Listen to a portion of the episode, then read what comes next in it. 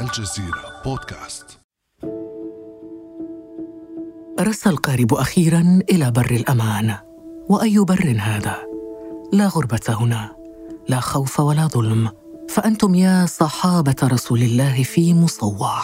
هنا أنشأوا المسجد الأول وصلوا نحو القدس ومكة.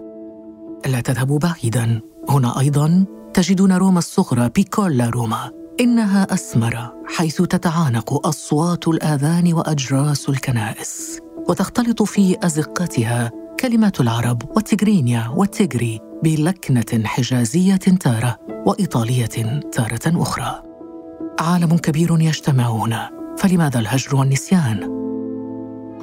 آه ما زلت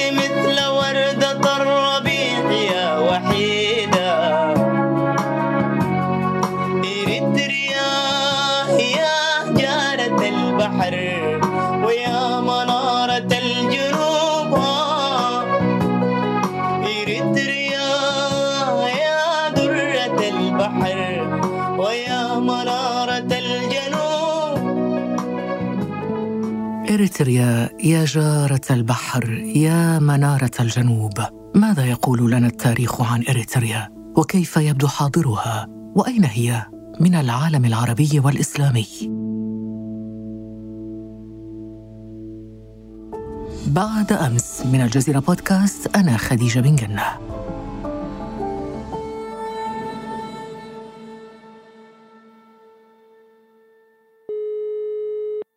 وفي هذه الحلقة سنروي لكم بعضا من حكايات إريتريا المنسية. مع الخبير بالشؤون الإفريقية الأستاذ محمد صالح. صباح الخير أستاذ محمد. يا مرحبا صباح النور أستاذة خديجة.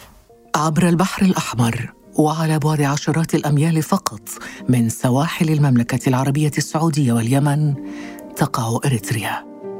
حاضرة هذه البلاد هي أسمرة أقرب عاصمة اليوم إلى البيت الحرام. وقبلها كانت مصوع شقيقة الحجاز. ليست الجغرافيا وحدها من يتحدث هنا فللتاريخ كلمته.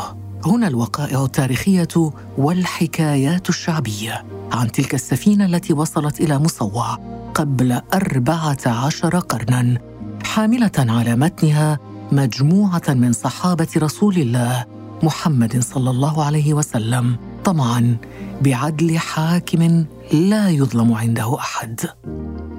رأس مدر أو رأس الأرض. هنا نزل الصحابة رضوان الله عليهم في طريقهم إلى النجاشي. وهنا صلوا باتجاه بيت المقدس. قطعوا طريقا بدأوه من الشعيبة قرب مكة. وانتهى بهم هنا في مصوع.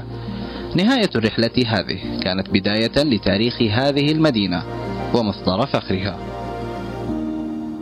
أستاذ محمد صالح نسعد بك وأنت من إريتريا من مدينة قريبة من العاصمة أسمرة. لو نحكي الحكاية من البداية لنبدأ بحكاية هذه الدولة التي تسمى اليوم إريتريا.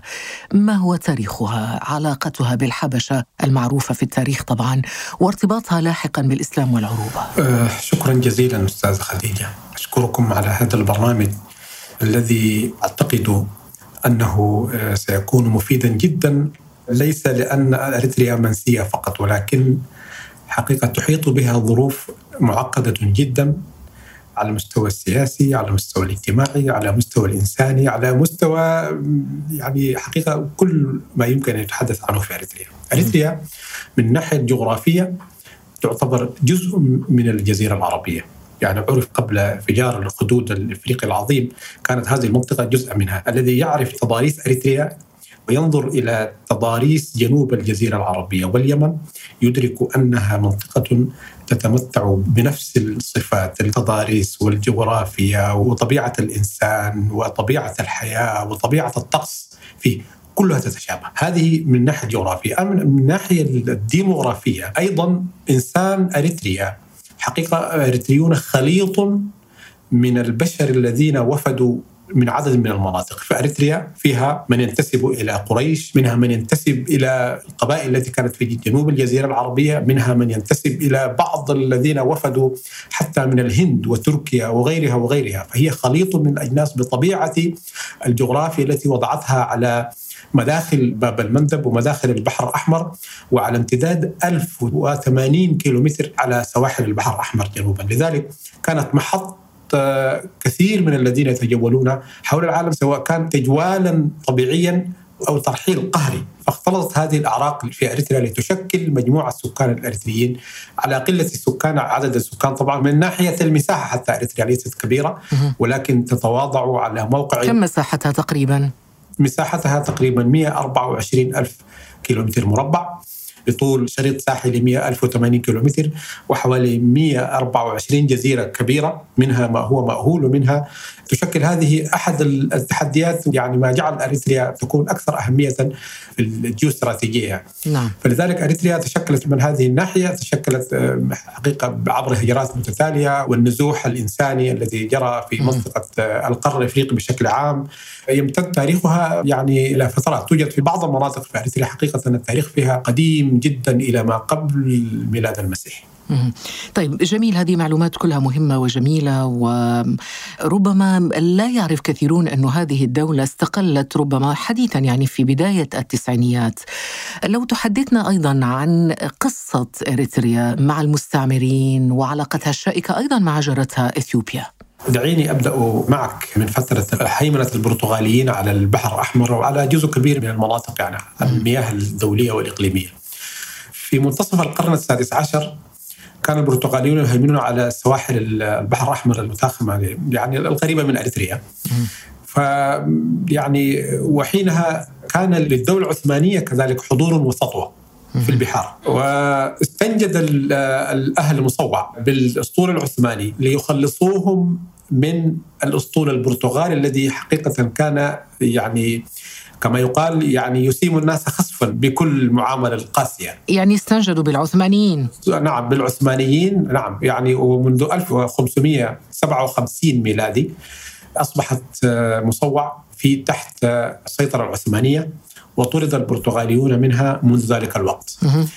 ظلت أريتريا بهذا المعنى تحت الهي طبعا هم بعدها أنشأ العثمانيون ما عرف بإيالة إفريقيا التي كانت تدير المناطق التي كانت تحت هيمنة السواحل في البحار إلى الصومال، السواحل الصومالية كانت تحت ما يعرف بإيالة إفريقيا التي كان مقرها في سواكن السودانية. إلى أن جاء فترة محمد علي باشا في مصر. يعني الذي كان يحكم باسم العثمانيين ولكنه كان حكما منفصلا حسب آه، يعني منطق التاريخ.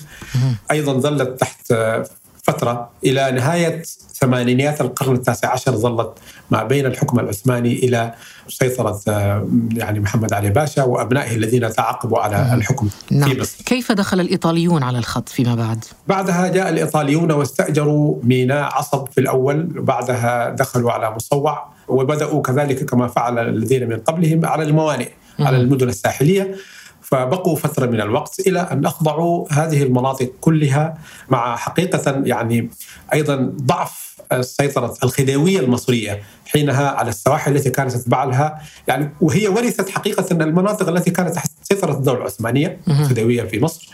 ومع بحروب كانت شرسة جدا بالذات في أريتريا مع الإمبراطورية الإثيوبية. هذه المناطق خرجت من سيطرتهم ولكن لم يبقى كذلك الإمبراطور الإثيوبي حينها على السيطرة في أريتريا.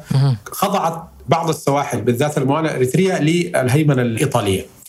من ثم استمرت ال- الهيمنة الإيطالية على أريتريا منذ نهايات 1885 إلى 1941 نهاية الحرب العالمية الثانية مهم. خرج الإيطاليون بعد الهزيمة المعروفة وأصبحت أريتريا تحت الهيمنة البريطانية. قبل البريطانيين هل للهيمنة الإيطالية على إريتريا علاقة بتسمية أسمرة مثلا روما الصغرى وغير ذلك؟ نعم أكيد، طبعا الإيطاليين حقيقة بقوا في أريتريا كما أنهم سيبقون إلى الأبد. لم يعملوا الذي يحكيه الأجداد الآن في إريتريا هو أن الإيطاليين اشتغلوا في إريتريا، طبعا إريتريا وبالذات المنطقة الأسمرة يعني تتواضع على هضبة تقع في هضبة ارتفاعها سبعة آلاف قدم فوق سطح البحر والمناطق المؤدية إلى مصوع من أسمرة على قصر المسافة حوالي 110 كيلومتر تقريبا ولكن حقيقة وعرة شديدة الوعورة. فعملوا على شق ال- الجبال والطرق وإيصال السكة. حديد لربط المناطق المختلفة لاريتريا بوسائل التواصل والمواصلات. الإيطاليون. فاشتغلوا في آه نعم الإيطاليين نعم. فاشتغلوا في أسمرة وعمروها وخططوها بحيث يبقوا فيها الأبد. خاصة وأن أسمرة فيها طقس حقيقة يعني معتدل جدا. يعني يميل إلى البروده شتاء إلى البرودة الشديدة. ولكن يعني باعتبار أنها منطقة تقع تحت خط الاستواء ليس فيها ثلوج. ولكن حقيقة طقسها على مدار العام معتدل جدا. فأعجبوا بهذا الطقس ويعني عمروا أسمرة كما أنهم باقون فيها ولن يخرجوا منها. لذلك سميت روما الصغرى. ربما ما زال هناك إيطاليون يعيشون حتى الآن في إريتريا. ليسوا كثر. لكن هم يعني بقي من الإيطاليين المولدين في الأريتريات في أريتريا. لكن الطراز المعماري في أسمرة حقيقة يشبه كثيرا وما يزال محافظ حقيقة. يعني يحمل بصمة إيطالية. ويحمل بصمة إيطالية فلذلك سموها روما الثانية نعم لنذهب الآن إلى البريطانيين. يعني الإيطاليون خرجوا في أربعينيات القرن الماضي ثم ماذا حدث؟ أصبحت أريتريا تحت الهيمنة البريطانية ولكن هذه الفترة كما تعلمين أستاذة خديجة كانت فترة التحرر الدول الإفريقية من الاستعمار. فكان لابد من إيجاد مخرج. فالبريطانيين حقيقة في فترتهم وللأمانة يعني الحريات الإعلامية والحريات السياسية كانت آه، منفتحة مضمونة؟ جدا. لم تكن آه نعم نعم الإيطاليين حقيقة يعني حكموا أريتريا ولم يقدموا في مجال التعليم والثقافة الكثير أبدا. هذا معروف. لكن الإيطاليين لم يخرجوا من الحواضر كثيرا في هذا السياق. البريطانيين لم يمكثوا كثيرا. أخضعوا أريتريا إلى حالة من الاستفتاء. واستصدروا قرار وحين وفي هذه الفترة طبعا فترة كانت ازدهار أيضا بداية ظهور الولايات المتحدة الأمريكية. لم يعني وكانت هناك حركة سياسية قوية تدعو إلى استقلال أريتريا. تم ربط إثيوبيا في هذه الفترة أريتريا بهذه الفترة بإثيوبيا. ما عرف حينها بالكونفدرالية ما بين إثيوبيا وأريتريا. نعم. وخرجت بالتالي بريطانيا لتحل محلها إثيوبيا في أريتريا. متى خرجت بريطانيا؟ خرجت بريطانيا بداية الخمسينيات. نعم. جاء إذا بعدها بداية الإثيوبيون. الإثيوبيين. نعم تحت الإثيوبيين جاءوا تحت لم يأتوا باستعمار آه، عسكري مباشر لكنهم جاءوا تحت غطاء الحكم الفدرالي لأريتريا. تحت التاج الأثيوبي. طبعا هي فيها تفاصيل كثيرة جدا يعني يعني ضم ضم فيها. نعم. ضم إريتريا إلى إثيوبيا على شكل فيدرالية. نعم هو هكذا. حقيقة إريتريا كان عندها برلمان وعندها حكومة عندها وزارة. ولكن هيلي سلاسي سنة 1958 انقلب على هذا الاتفاق وقال إريتريا أصبحت جزء من إثيوبيا وتمثل الإقليم الرابع عشر. أعلن مانيفستو معروف للإريتريين. تفجرت بعدها الثوره الإريترية المسلحة من أجل الاستقلال. نعم. طيب هذا مسار طويل أستاذ محمد. شكرا لأنك بصراحة سافرت بنا عبر التاريخ إلى مختلف أشكال الاستعمار التي تعرضت لها إريتريا من البرتغاليين إلى العثمانيين إلى الإيطاليين إلى البريطانيين إلى الإثيوبيين. لكن دعنا باختصار نقف عند الإيطاليين لأنه لفت انتباهي أنك قلت أنه الإيطاليين جاءوا ليبقوا إلى الأبد. وقلت أنه بعضهم ما زال طبعا في تزاوج ونسب مع الإريتريين وبعضهم بقي هناك. لنستمع إلى أحد الإيطاليين يتحدث عن سبب بقائه في أسمرة. أنا إيطالي نشأت في مدينة أسمرة ولا أزال أعيش فيها ولي فيها الكثير من الذكريات. أعشق هذه المدينة ولا أشعر فيها بالغربة وهذا ما جعلني أتقن اللغة المحلية. الجميع هنا يعتبرني إريتريا وهذا ما أشعر به بالفعل. أستاذ محمد هذا الإيطالي يعني يتحدث وكأنه إريتري يعني يعيش في أسمرة ويقول إنه يعشق أسمرة، هل هذا أثر على الثراء والتنوع الثقافي؟ الإيطاليين بقوا 60 سنة لكن حقيقة تأثيرهم الثقافي لم يكن كبيرا. فقط تاثيرهم كان في المناطق الحضرية، لم يخرجوا كثيرا، لم يصبغوا الاريتريين بثقافتهم الإيطالية، لكن حقيقه تأثيرهم تأثير واضح ما تزال الأجيال التي عاشت من بقي منهم يعني يتكلم الإيطالية بطلاقة ومنهم من تجندوا، طبعا إيطاليا حقيقه استخدمت حتى الجنود الاريتريين الذين جندتهم في اريتريا في حروب خارجية، يعني مثلا قاتلوا في ليبيا. قاتلوا في ليبيا. فترة مجاهد عمر المختار قاتلوا في ليبيا. يعني تأثيرهم كان كبير. وصلاتهم بإيطاليا لاحقا الأريتريين. حقيقة لم تكن صعبة، لم ي... يعني ليس صعبا أن يذهب الأريتريين إلى إيطاليا وبقي بعض وكثير منهم حقيقة ما يزال عنده علاقة. يعني الإريتريون يتحدثون الإيطالية؟ ليس كل الإريتريين. الأجيال التي عاشت في فترة نعم نعم نعم.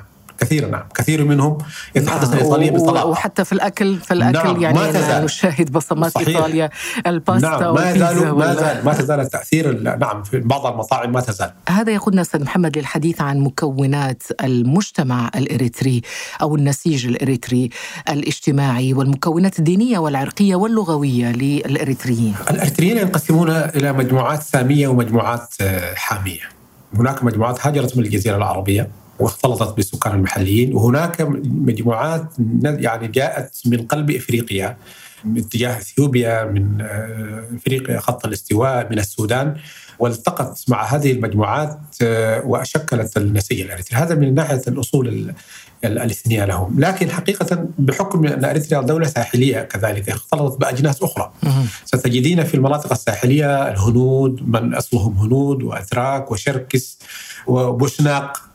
كثير منهم موجودين حقيقة في نعم. اريتريا و- وعلى مستوى الأديان؟ من ناحية الأديان هناك مسلمين وهناك مسيحيين. حسب الإحصائيات المتعامل بها.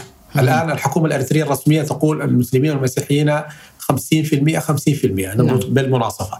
المسلمين لا يقرون بهذه الحقيقة، يقولون نحن من الناحية الجغرافية والديموغرافيه آه، كل الأ- أغلب الأقاليم فيها مسلمين آه، وبالتالي نحن أغلبية، ولكن تعرفين التغريبه الاريتريه بدأت منذ 70 سنة إلى اليوم الاريتريين يعني أصبح جلهم خارج اريتريا، بالتالي نعم. لا توجد إحصائيات دقيقة. نعم ولنا ولنا. زميل إريتري معروف ومشهور الزميل العزيز آه، عثمان أي فرح من إريتريا نعم. وعاش في بريطانيا صحيح. وعاش في السعودية صحيح. وهذا صحيح. بمناسبة وهكذا. الحديث عن التغريبه. الإريترية طيب صحيح. طبعا صحيح. لم نتحدث أيضا عن اللغات قبل أن نمر إلى نقاط أخرى اللغات اللغة ال- الأساسية ما هي اللغة الإريتريين يتبنون متفقين بشكل عام يتبنون اللغتين العربية والتجرينية، التجرينية هي لغة بعض القوميات في اريتريا جلهم من المسيحيين ولكن هناك مسلمين يتحدثون بالطبيعة لغة التجرينية، هناك المتبنين اللغة العربية، هناك لغات أخرى محلية استخدمها الناس. بعضها كتب حديثا بعد الاستقلال كتبتها الحكومة الإريترية الحالية وبعضها غير مكتوب ينطق به. نعم. لكن السائد في إريتريا أن اللغتين التجرينية واللغتين واللغة العربية هي اللغتين الرسميتين مع وجود لغات كثيرة حقيقة حوالي نعم. سبع لغات بما فيهم اللغة العربية والتجرينية نعم. يتحدثون بها في أريتريا باعتبارها القوميات الاكبر في أريتريا. قبل قليل تحدثنا عن آه، التغريبة الإريترية وهنا ندخل في واقع جديد واقع المعاناة معاناة اللجوء الإريتري وتحديدا مخيمات اللجوء بالسودان وربما في دول أخرى حيث يعاني الآلاف من اللاجئين منذ سنوات من ظروف مأساوية. لنستمع أولا أستاذ محمد إلى جانب من ألم هذا الشعب المنسي. الوضع في المعسكر صعب للغاية والمساعدات اللي بيدوك ليها دي يعني ما بتقديك أنت عشان تقعد وتاكل وتشرب. عشان كده يعني أنا وأي شاب يعني في سني ده يحاول يقول يعني يهاجر. عشان أنا أصلا لا لا مرتاح في وطني ولا مرتاح هنا. بعد ذاك الهجرة يعني ممكن أموت قبال ما أصل الحتة اللي عايزة أنا. ممكن أصل وممكن ما أصل. بس المهم أنا أطلع وأحاول أشتغل عشان أقدر أساعد أهلي وأريحهم شوية من العذاب يعني اللي عايشين فيه. أستاذ محمد هذا هو الواقع الذي يعيشه اللاجئون الإريتريون وبمناسبة حديثنا عن التغريبة الإريترية ماذا يمكن أن تقول لنا عن واقع اللاجئين الإريتريين؟ والله الحديث عن هذه النقطة حقيقة مؤلم جدا بالنسبة لي وأنا واحد من ضحايا هذه التغريبة يعني. أنا عمري كله أنا تجاوزت الآن الخمسين بقليل. يعني آه، كله خارج وطني. لم أرى أريتريا إلا مرة واحدة خلسة. الشاهد أنه في العام 1967 بدأت التغريبة الأريترية بالهجرات الكبيرة. طبعا سبقتها هجرات بأعداد قليلة ولكن هذه الفترة المعروفة تاريخيا بالنزوح الكبير لارتفاع المواجهات العسكرية بين الثورة الأريترية التي تطالب بالاستقلال وبين الجيش ال- في أثيوبيا. بدأت حينها موجات 67 1967 1970 في منتصف السبعينيات إلى منتصف الثمانينيات إلى منتصف إلى بداية الألفية الثانية بعد الحرب الأثيوبية الأريترية بعد الاستقلال أيضا يعني. ومن ثم بدأت التغريب الأكبر حقيقة والأسوأ ما بعد الاستقلال للأسف بعد أن أصبح للأريتريين دولة مستقلة وكيان مستقل يعني يفترض أن يعيدهم إلى مناطقهم ويلملموا جراحاتهم ويعني يستعيدوا بناء نفسهم ومجتمعاتهم وبلادهم. بدأوا هجره معاكسه لأن الحقيقة الحكومة الأريترية تبنت نظام حكم غريب جدا حقيقة. يعني لبلد ناضل أهله 30 سنة من أجل الاستقلال وضحوا بما يزيد على مئة ألف من الشباب. وعشرات الآلاف ممن لا يعرف لهم مصير إلى اليوم منذ 1960 حين تفجر اريتريا حقيقة بالملايين. ظل حوالي مليون ونصف في السودان هذا قبل الاستقلال. بعد الاستقلال بدأت تقريبا من نوع آخر أستاذة خديجة وهذه نقطة جوهريه أنا أعتقد يعني مهم تسجيلها وهي أنه عندما يعني مثل الشاب الذي تحدث الآن في المعسكر بهذا اليأس وهذه الحالة المحبطة يعني لماذا؟ لأنه أخذ النظام كل الشباب فوق ال 18 ودون ال 50 حينها إلى الخدمة العسكرية التي لا نهاية لها. أخذوهم من أهلهم وأخذوهم من وظائفهم إلى الخدمة العسكرية ولم يعودوا إلى اليوم. هذا هو الذي جعل الاريتريين يحسون بأن هناك حالة من الاستعباد اللامتناهي واللامحدود وخرجوا يعني يهيمون على وجوههم في إلى يعني حيث لا يعلمون أين سيكون مصيرهم، حقيقة هذه عبارة دقيقة الذي قال ربما أموت أو لا أرجع أو لا أصل، هذه حقيقة يعني. تعلمين أستاذة خديجة نعم. في ما بين 2008 إلى 2016 فقط 2016 ما بعدها مش احسبه يعني هناك تقارير دولية تحدثت عن أنه تقدم في أوروبا وحدها. شباب ما بين العشرين والثلاثين طلبوا لجوء ما يزيد على 165 ألف من الشباب الأريتري 165 ألف من الشباب الأريتري هؤلاء لو تم تجنيدهم في البناء والتعمير والتعليم أنا أعتقد كانوا يغيرون البلد مات منهم الآلاف معروفة في حادثة لامبيدوزا في البحر الأبيض المتوسط مات فيها الآلاف على من الشباب سواحل غرقت بهم إيطاليا. سفينة كبيرة نعم. على سواحل آه، إيطاليا و- نعم. ومبدعون كما قلت كثر لأنه عندنا زملاء أيضا في قناة الجزيرة منهم الروائي المبدع حجي جابر الذي تطرق أيضا بشكل مباشر أو غير مباشر لموضوع التغريبة الإريترية في رواياته مثل سمراويت ومرسى فاطمة ولعبة المغزل وغيرها من الروايات التي أبدع فيها زميلنا الروائي حجي جابر. وبالمناسبة نحييه من هذا المنبر. طيب هنا هذه اللغة التي يكتب بها مثلا الروائي حجي جابر يعني أن هناك التئاما عربيا إريتريا. يدفعنا للسؤال إن عما الذي يحول اليوم دون التئام إريتريا بالجغرافيا العربية بالثقافة العربية الإسلامية؟ أم أنها بالأصل موجودة؟ هو من حيث الالتئام من الناحية العملية موجودة. طبعا يعني الإريتريين حقيقه هذه المسألة عندهم متجذرة. يعني انت تتكلمين عن أصول كل الإريتريين. يعني الآن حقيقه يعني لولا أن الوقت لا يسع يعني لتحدثنا حتى المسيحيين في إريتريا أصولهم عربية. يعني مع تداخل طبعا يعني التداخل مع العنصر الإفريقي. لأنه احتكاك المنطقة القرن الإفريقي بالجوارها العربي بالذات في اليمن بالمناسبة كان أقوى جدا من أي احتكاك آخر. بحكم القرب الجغرافي بعض السواحل اليمنية لا تبعد عن أريتريا سوى 60 كيلومتر أستاذة خديجة.